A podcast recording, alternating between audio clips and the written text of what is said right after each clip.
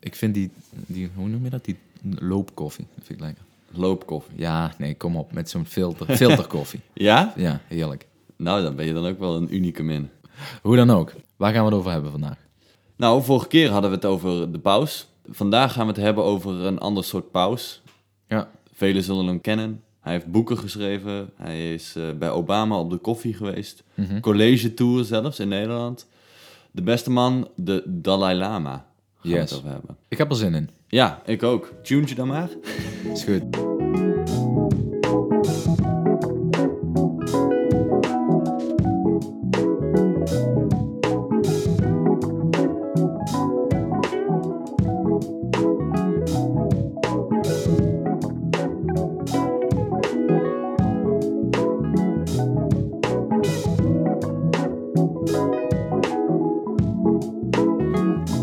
Dalai Lama is de boeddhistische geestelijk leider in Tibet. Oké, En hij is daarmee ook de politiek leider van Tibet. oké, De, de jure. oké. Maar de beste man zit in exile. Oftewel, hij zit in ballingschap. In ballingschap. Waar? Hij zit in eh Dharamsala. Als ik, ik weet niet of ik het goed uitspreek. Het is in India, Noord-India. Bij de grens van eh Kashmir. Oké. Waar ze ruzie hebben. En hoe word je Dalai Lama? Nou, ook als jij nou eerst vertelt wat er allemaal aan de hand is in Tibet, dan vertel ik jou en alle andere luisteraars daarna hoe je Dalai Lama wordt. Goed. Tibet is een regio in het zuidwesten van China. En dat is een autonome regio. Dus die hebben een bepaalde vorm van zelfstandigheid, zelfbestuur. Al is dat, een, is dat eh, wel enigszins betwist, maar daar kom ik zo meteen nog wel even op terug. En de vraag is of de Tibetanen een zelfstandig land kunnen of willen zijn. Want eh, daar verschillen de meningen ook over. Eh, volgens mij heeft de Dalai Lama hemzelf recentelijk nog gezegd dat hij helemaal niet op zoek is naar eh, onafhankelijkheid, maar dat hij autonomie prima vindt, maar dan meer autonomie. Maar goed, er zijn wel die Tibetanen die dit een onafhankelijk land willen hebben, maar dan moeten we wel even terug de geschiedenis in. Want Tibet was ooit wel een zelfstandig land, een onafhankelijk land, maar dan moeten we terug naar de 14e eeuw. De meeste geschiedkundigen zijn het er wel over eens dat het voor die tijd een onafhankelijk, onafhankelijke staat was, in hoeverre dat dan eh, destijds al bestond. En sindsdien is het, eh, ja, de regio Tibet eigenlijk altijd toch wel onder controle geweest van ja, de Chinezen. En dit leidt tot conflict, of, of in ieder geval strubbelingen en, en frictie.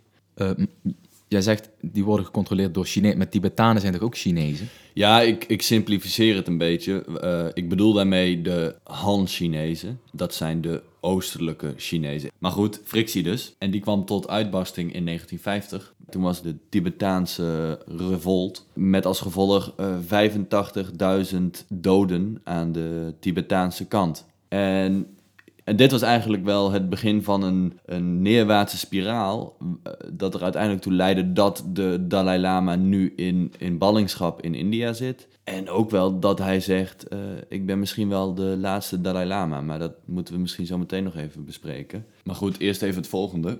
Het is een autonome regio in China.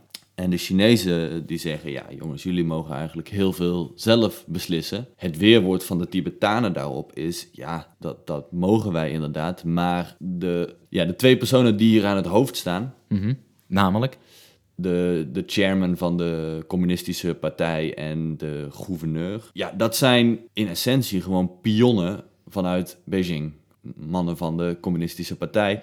Die twee heren komen overigens ook niet uit Tibet. Dus je kan hierin betwisten in hoeverre die autonomie ook daadwerkelijk in de praktijk wordt uitgevoerd. Als, Ja. als er twee ja, Chinezen aan de macht zijn Überhaupt in China. Ik bedoel, hoeveel kunnen de mensen daar nou zelf democratisch beslissen? Nou ja, je hebt natuurlijk Taiwan, wat Mhm. natuurlijk een, eh, is ook wel een leuk podcastonderwerp. Gaan we het andere keer over hebben. Maar die hebben natuurlijk wel een eh, vrij hoge mate van eh, zelfbestuur. Dus die onafhankelijkheid of die autonomie kun je daarin wel betwisten. Verder heb je natuurlijk gewoon de, de recente geschiedenis in Tibet. Namelijk dat daar in 1950 een inval is geweest vanuit China. En in die oorlog zijn er toch zeker 85.000 doden aan de Tibetaanse kant gevallen. En ook nog eens 2000 doden aan de Chinese kant. Is toch tragisch.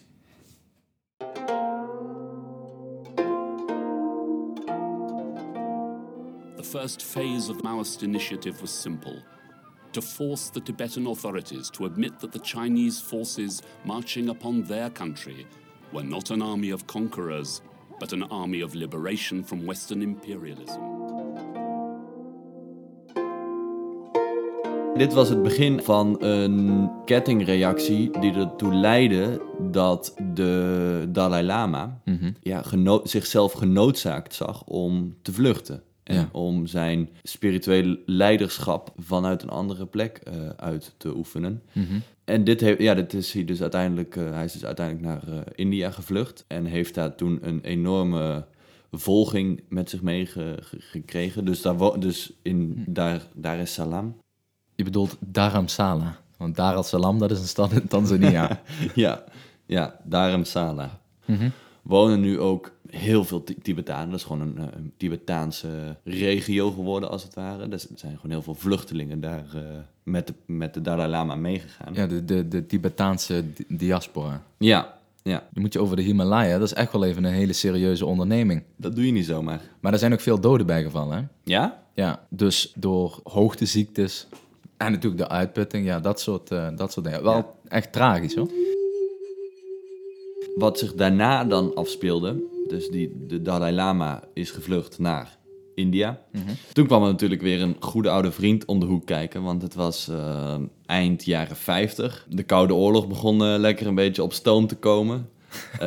De Amerikanen die zagen natuurlijk in China weer een, een communistisch monster. Dus die dachten, nou, hier moeten wij maar weer een proxyoorlog gaan voeren. Hier moeten wij maar weer eens met onze tengels in gaan zitten. om daar eens even de boel... eh Die, die Amerikanen beginnen vrienden van de podcast te worden. Die komen die iedere moeten keer... altijd tussendoor komen hoor. Jee, jee. Dus de Amerikanen hebben in de jaren 50 een eh, geheime CIA-operatie opgezet. En dus, ja, die Amerikanen die hebben, die zitten ook wel overal burgeroorlogen uit te voeren. En, en democratieën om te werpen. En, Die kunnen niet alleen eh, hamburgers bakken. Die kunnen ook uh, Ja. proxyoorlogen uitvoeren. Zijn ze ook Uitlokken en uitvoeren. Goed, eind jaren 50 eh, zijn de, ja, de, de CIA is daar toen eh, begonnen eh, met, in samenwerking met de broer van de Dalai Lama. Oh. Ja, ja, de Dalai Lama zegt dat hij er niks van af weet. Lop, Loppeng. Lopkeng. Hoe heet die dude? Ja.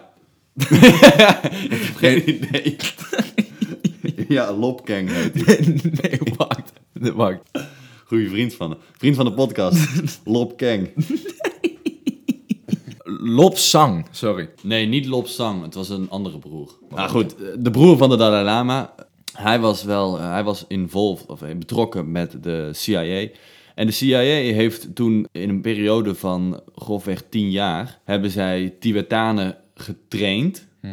Als in Tibetanen naar Colorado gevlogen, want dat vonden ze het meest op Tibet lijken qua klimaat en, en En heuvel. voelen die gasten zich thuis. Ja, en daar gingen ze dus, ehm, daar zijn ze toen gewoon actief eh, gaan trainen met eh, Tibetanen om maar te kunnen vechten tegen. Ah, militair trainen gewoon. ja, ja, ja. Militair Wapens, trainen, eh, wapens, alles. Ja, de hele mikmak.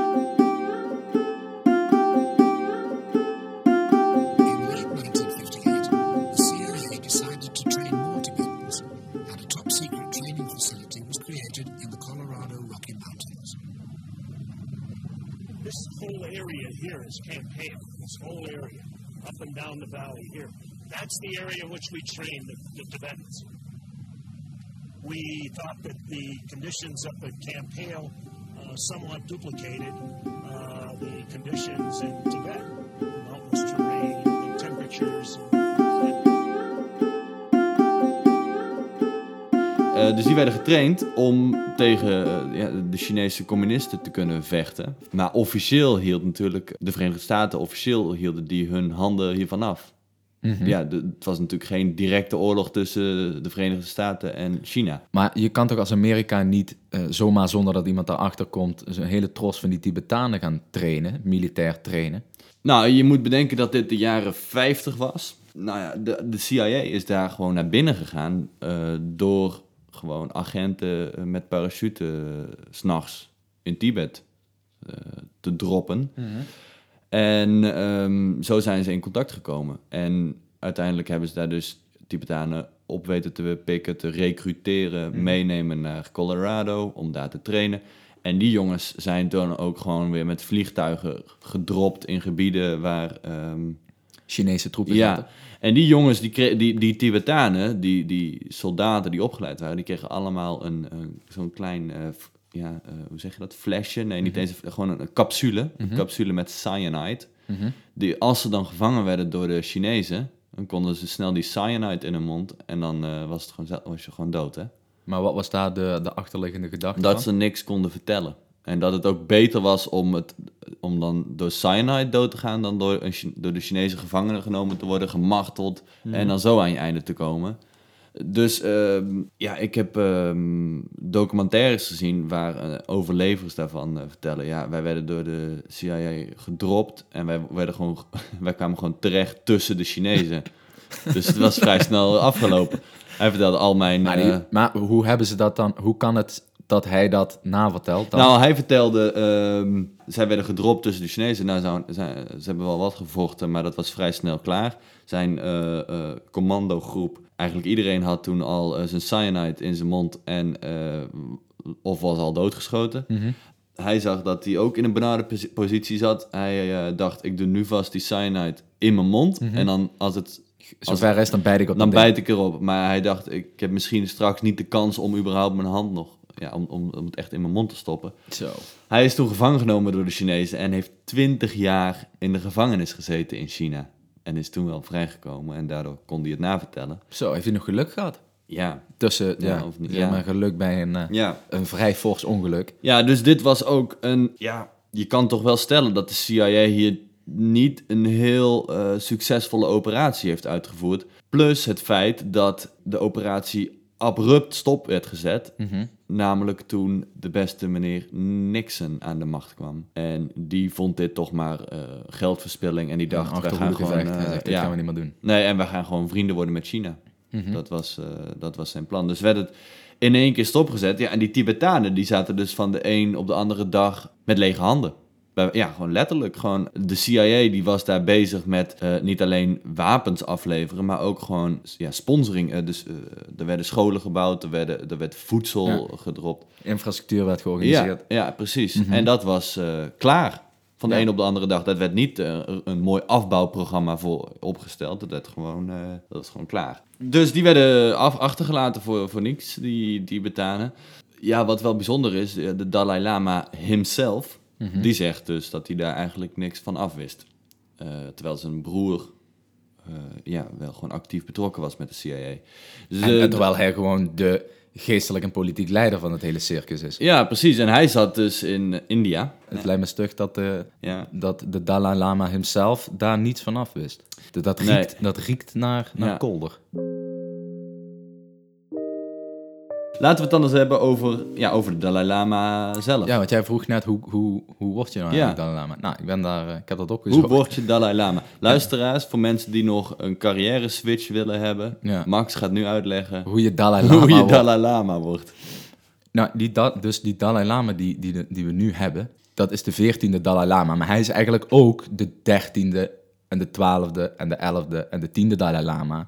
Want hij is gewoon de reïncarnatie van alle vorige Dalai Lama's. Dus ja, ho- hoe, hoe word je dat? Nou, in principe moet je daarvoor eh, in Tibet geboren worden. eh, rond de tijd dat de Dalai Lama sterft.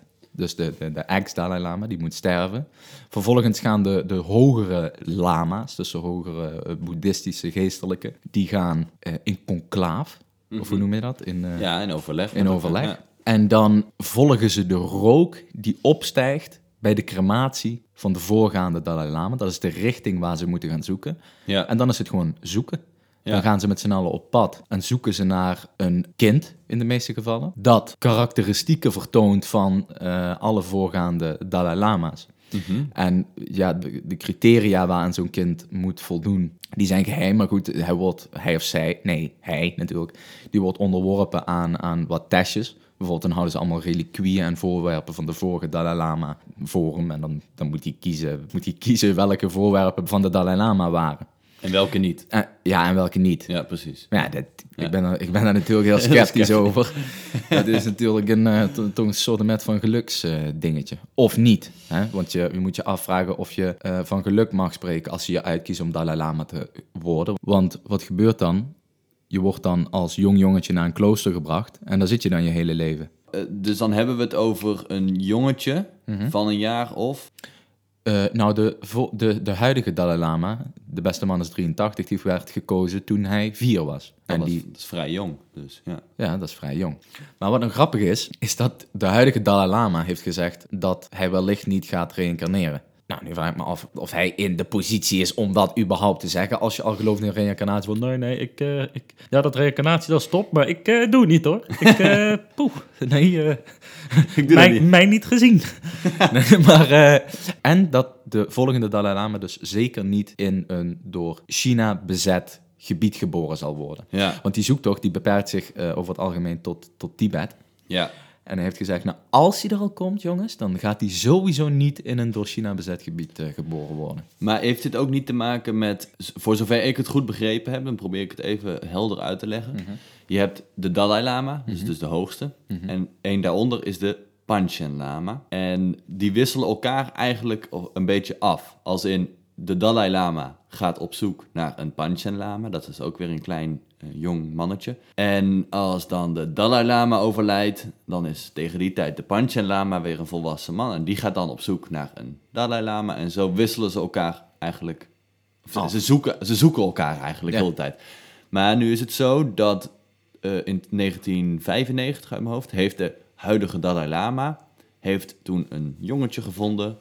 Zegt, jij bent de Panchen Lama. Maar dat jongetje is vrij snel door China, ja, door China eh, weggehaald. Ja. En die is al twintig jaar niet meer gespot. Ja, Althans, China zegt, ja, wij hebben hem wel hoor. Dit, dit is hem, deze jongeman. en dat is een totaal andere dude eh, dat naar ben- voren geschoven. Ja, Ja, En die is natuurlijk, dat is een hele andere eh, man. Eh, de Dalai Lama zegt ook, ja, nee, dat is niet de. Panchen Lama. Th- that's not China our zegt, man. eh, jawel, dit is hem. En hij gaat de volgende Dalai Lama kiezen. Ja. Dus de, Dalai, La- de huidige Dalai Lama, die, hang- die ziet de bui al hangen. En die denkt, ja, dan komt er zo'n Chinese pion. Komt en die gaat... aan de nok toe geïndoctrineerde Ja.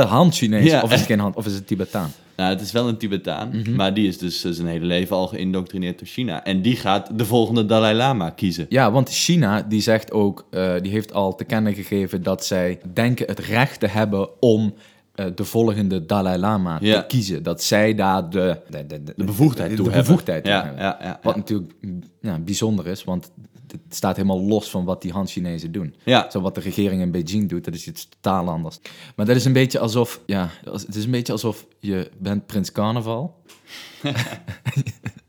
en je zegt dan, eh, ja jongens, eh, v- dus dit is allemaal leuk en aardig. Eh, ik ben nu prins, maar eh, volgend jaar geen prins meer. Dan hebben jullie dat niet nodig, want die wordt dan gekozen door eh, de verkeerde carnavalsvereniging en daar schieten we niks mee op.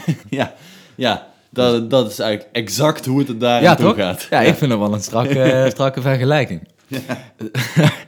maar goed, ik heb hier dus een boekje voor me liggen. The Art of Happiness.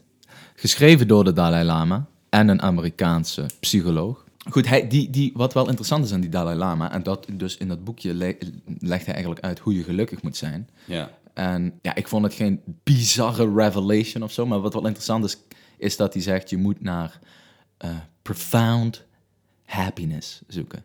Dus hij is geen hedonist, hè, dus hij zoekt, hij zoekt niet naar eh, pleziertjes. Oké. Maar, eh, dus hij zegt niet, hij zegt niet van, je moet er alles aan doen om, om, om, om die gelukzaligheid, zeg maar, dat, dat, dat euforische gevoel te bereiken, maar je moet een soort baseline happiness hebben. Oké. En dan kun je dus door met fijne gebeurtenissen ga, ga je een beetje bovenin zitten.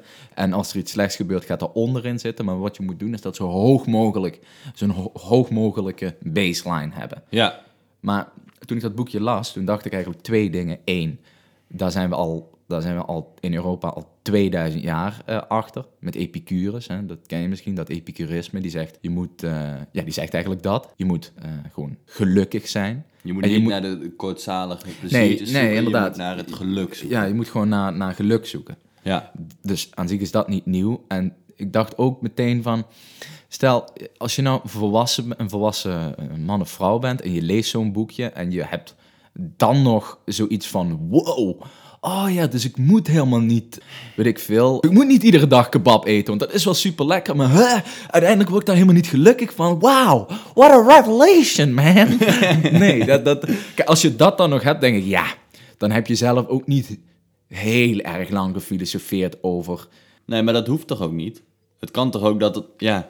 eh, kijk, wij maken er natuurlijk een grap van, maar het- als, het, als het toch mensen wel... Als het toch wel mensen zijn die tot nu toe altijd eh, ja, de, kort, de korte pleziertjes opzochten en door het boek van de Dalai Lama denken, nou, Ja, nee, dat is allemaal prima. Maar er wordt wel een soort sfeer van genialiteit om die man heen ja, gecreëerd. Ja, ja, ja, ja, ja. Als je interviews van de beste man kijkt, Mhm. ja, als ik, als ik kijk, respect hoor voor, eh, voor, de, voor de Dalai Lama, maar als ik het heel objectief bekijk, is het gewoon best wel een arrogante meneer. Ja, Waarom? Nou, eh, Ik vind hem niet arrogant. Ik vind hem wel... Kijk, hij is natuurlijk wel gewoon een fijne vent. Laten we dat eh, voorop stellen. Hij is gewoon een... eh, Ja, maar hij maakt bijvoorbeeld wel claims. Eh, wat vertelde hij? Dat hij, dat hij en, en dat werd, werd hem ook nog eens even dubbel gevraagd hoe hij het nou precies bedoelde. Dat hij persoonlijk het alcoholisme in Mongolië heeft bestreden door geitenmelk of jakmelk aan te bieden. Nou, dat, dat- die mensen waren zo overstag Ja. dat ze vanaf die dag de alcohol links lieten liggen. En dat heeft hij eh, dus in zijn eentje gedaan. Zo, Ja, ja. zo brengt hij het. Ja, ja, ja. Dat ik denk, ja, joh, Ja, oké. ik geloof, ja, leuk. Maar goed, hij zegt ook een paar hele interessante dingen.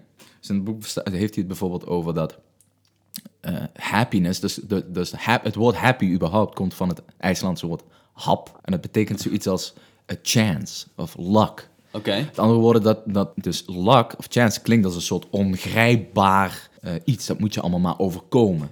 Ja. Daar waar hij zegt, kijk, geluk, dat is gewoon een soort trainbare, dat, dat, kun je gewoon, daar kun je gewoon naartoe trainen. Ja. Net zoals dat je naar eh, een esthetisch lichaam, zeg maar, kunt toetrainen. Net zoals dat je een spier kunt trainen.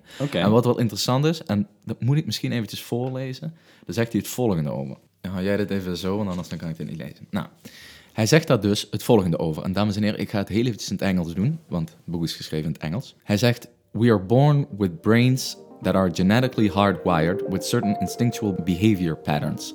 We are predisposed mentally, emotionally, and physically to respond to our environment in ways that enable us to survive.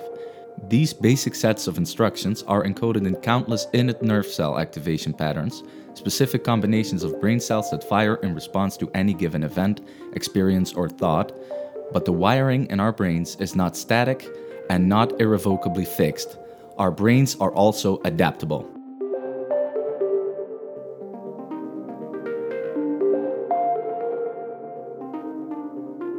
Met andere woorden, je kan je brein, net zoals een spier, gewoon trainen om op een fatsoenlijke manier te reageren op eh, de prikkels die wij binnenkrijgen, op de dingen die om, ons heen gebeuren. Ja. En dat noemt hij positive conditioning. oké. En hij zegt, als je dat nou, als je dus, dus net zoals dat een muzikant eh, zijn, zijn, zijn pianostukje eh instudeert, Ja. wat gewoon een, dat is, een soort, dat is ook een soort, niet een hand-oog combi- eh, combinatie, maar een hand-oor combinatie. Ja. Dus hij luistert en dat, hij speelt het in, wordt een Ja. soort automatisme. Ja, Hij zegt, zo kun je ook, als je nou altijd gewoon positief probeert te reageren op de dingen die om je heen gebeuren, of Ja. in ieder geval rustig te reageren, of compassionate te reageren, daar heeft hij het ook heel veel over, dus met compassie, ja. eh, dan, dan, heb je, dan kun je je brein trainen om dat als een soort automatische respons te laten teruggeven op het moment dat er iets gebeurt waar je misschien van jezelf niet meteen positief op zou reageren. Bijvoorbeeld dingen in het verkeer. In het verkeer, ja. Maar zelfs ook dus bij het verlies van een dierbare, et cetera, et cetera, kan zo'n positive conditioning je helpen om, om in ieder geval een soort calm state of mind. Ja, in plaats van dat je altijd opgefokt, agressief, boos reageert, Juist. zegt hij, je moet, het, je moet het eigenlijk zo doen. Je moet trainen. En als je maar lang genoeg traint, Ja. word je vanzelf eh, automaat, of ja, dan train je, je je brein eigenlijk om toch altijd in ieder geval gel- ja, gelukkig of Mhm. ja, gelukkig te, te, te reageren. Ja, en dat noemen ze dharma. Dharma, Ja, dat is een boeddhistische term. Ja. Maar ze hebben wel eens eh, eh, onderzoek gedaan naar mensen die dit soort dingen heel lang doen. Ook naar de Dalai Lama. Dan maken ze een hersenscan. Dan kunnen ze bijvoorbeeld zien dat de amygdala, dus, of de amygdala, ik weet even niet hoe je het uitspreekt. Dat is het angstcentrum in je brein. Dat die gewoon significant kleiner is überhaupt. En ziet er ook totaal anders uit dan bij normale mensen. Ja? Dus je kan letterlijk eh, ja, dus in de letterlijke zin kun je je brein modificeren. Dus het is geen hocus pocus wat hij nee, dit is, dit is gewoon Ja. keiharde science. Wel nu, razend interessant. Zeker met het oog op het feit dat jij een grote naam bent in de politieke filosofie, Ja. Auke Roos. Zeker. Hij zegt ook dat de mens van nature een goed wezen is. Ja, ik vind het ook altijd zo'n... Dit verkoopt altijd heel goed, hè? Zo'n zo'n verhaal over... We zijn allemaal liefdevol, we zijn vredevol. Maar joh, kijk even om je heen, denk ik dan. kijk even om je heen. Als we allemaal liefdevol en vredevol waren... dan had, had eh, de stadsmuur in Den Bosch geen kanonnen erop staan. Of had... eh, Ik, ik- noem maar wat. Overal staan nog steeds eh, raketsystemen eh, op elkaar afgericht. Israël bouwt een muur, Trump bouwt een muur. Jij wil zeggen dat de, de praktijk anders doet vermoeden dan dat we Ja. eh, liefde, vredevolle Ja. mensen zijn. Ja, precies. Wat, wat natuurlijk ook in, inderdaad, wat jij zegt, in zijn geval, hij leeft zijn hele leven al in exile. Ja. In ballingschap. Ja. Hij, eh, zijn, zijn volk eh, wordt eh, onderdrukt, is uitgemoord. De hele wereld staat in de fik, behalve West-Europa. Ja. Ehm, Nou, en hij heeft lijkt erop dat we niet super good-natured zijn. Of hoe zeg je Nee, dat? precies. En kijk gewoon ook naar zijn situatie. Als hij de balans opmaakt, heeft hij het nou ook niet, is het nou ook niet per se, heeft hij nou niet per se het bewijs geleverd dat dat eh, ook echt waar is. De beste man leeft in ballingschap. De Chinezen hebben in de jaren 50 80.000 Tibetanen eh, gedood. Dus ja, het is toch ook, je moet toch ook ehm, naar de feiten kijken, denk ik dan. En is- Dus jij bent, meer, eh, jij bent meer een fan van Thomas Hobbes. Nou, van Thomas Hobbes, die is natuurlijk, de, dat is wel een hele andere kant hoor. Meteen wel heel heftig. Ik zal het even kort samenvatten. Thomas Hobbes zegt gewoon dat eh, de basis van een, van een samenleving, van een wereld, een soort natuurstaat is. Waarbij iedereen elkaar in de haren vliegt en eh, de nek omdraait. Omdat er geen hogere autoriteit is die jou eh, vertelt eh, dat je dat niet moet doen. En dat we dus, nou ja, die zegt gewoon precies het tegenovergestelde van de Dalai Lama. Dat we allemaal zwaar agressief zijn en ehm, door maar te vechten hopen iets hoger op de apenheuvel te komen. Ja.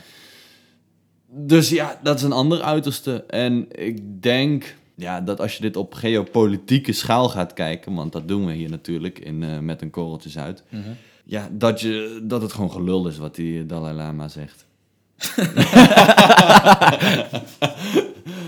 Oké, nou, tot dusverre weer de eh, genuanceerde uitleg Ja, en aanpak van Auke. Maar dat zijn we van hem gewend. Dames en heren, jongens en meisjes, het is een bijzondere wereld. En we zijn erachter gekomen dat die Dalai Lama een bijzondere man is. Dat is Ja. duidelijk. ja. En die Chinezen, ja goed, die Chinezen, dat, dat, ja, Het zijn ook bijzondere mensen. ja, het blijven de Chinezen. Ja. Eh, ik denk dat het niet heel lang meer duurt tot het allemaal vrienden van de podcast worden. Maar goed, dat eh, zien we dan wel weer. Bedankt voor het luisteren. Tot de volgende week. Want dan, eh, dan komen we gewoon weer door met iets nieuws. Tot ziens.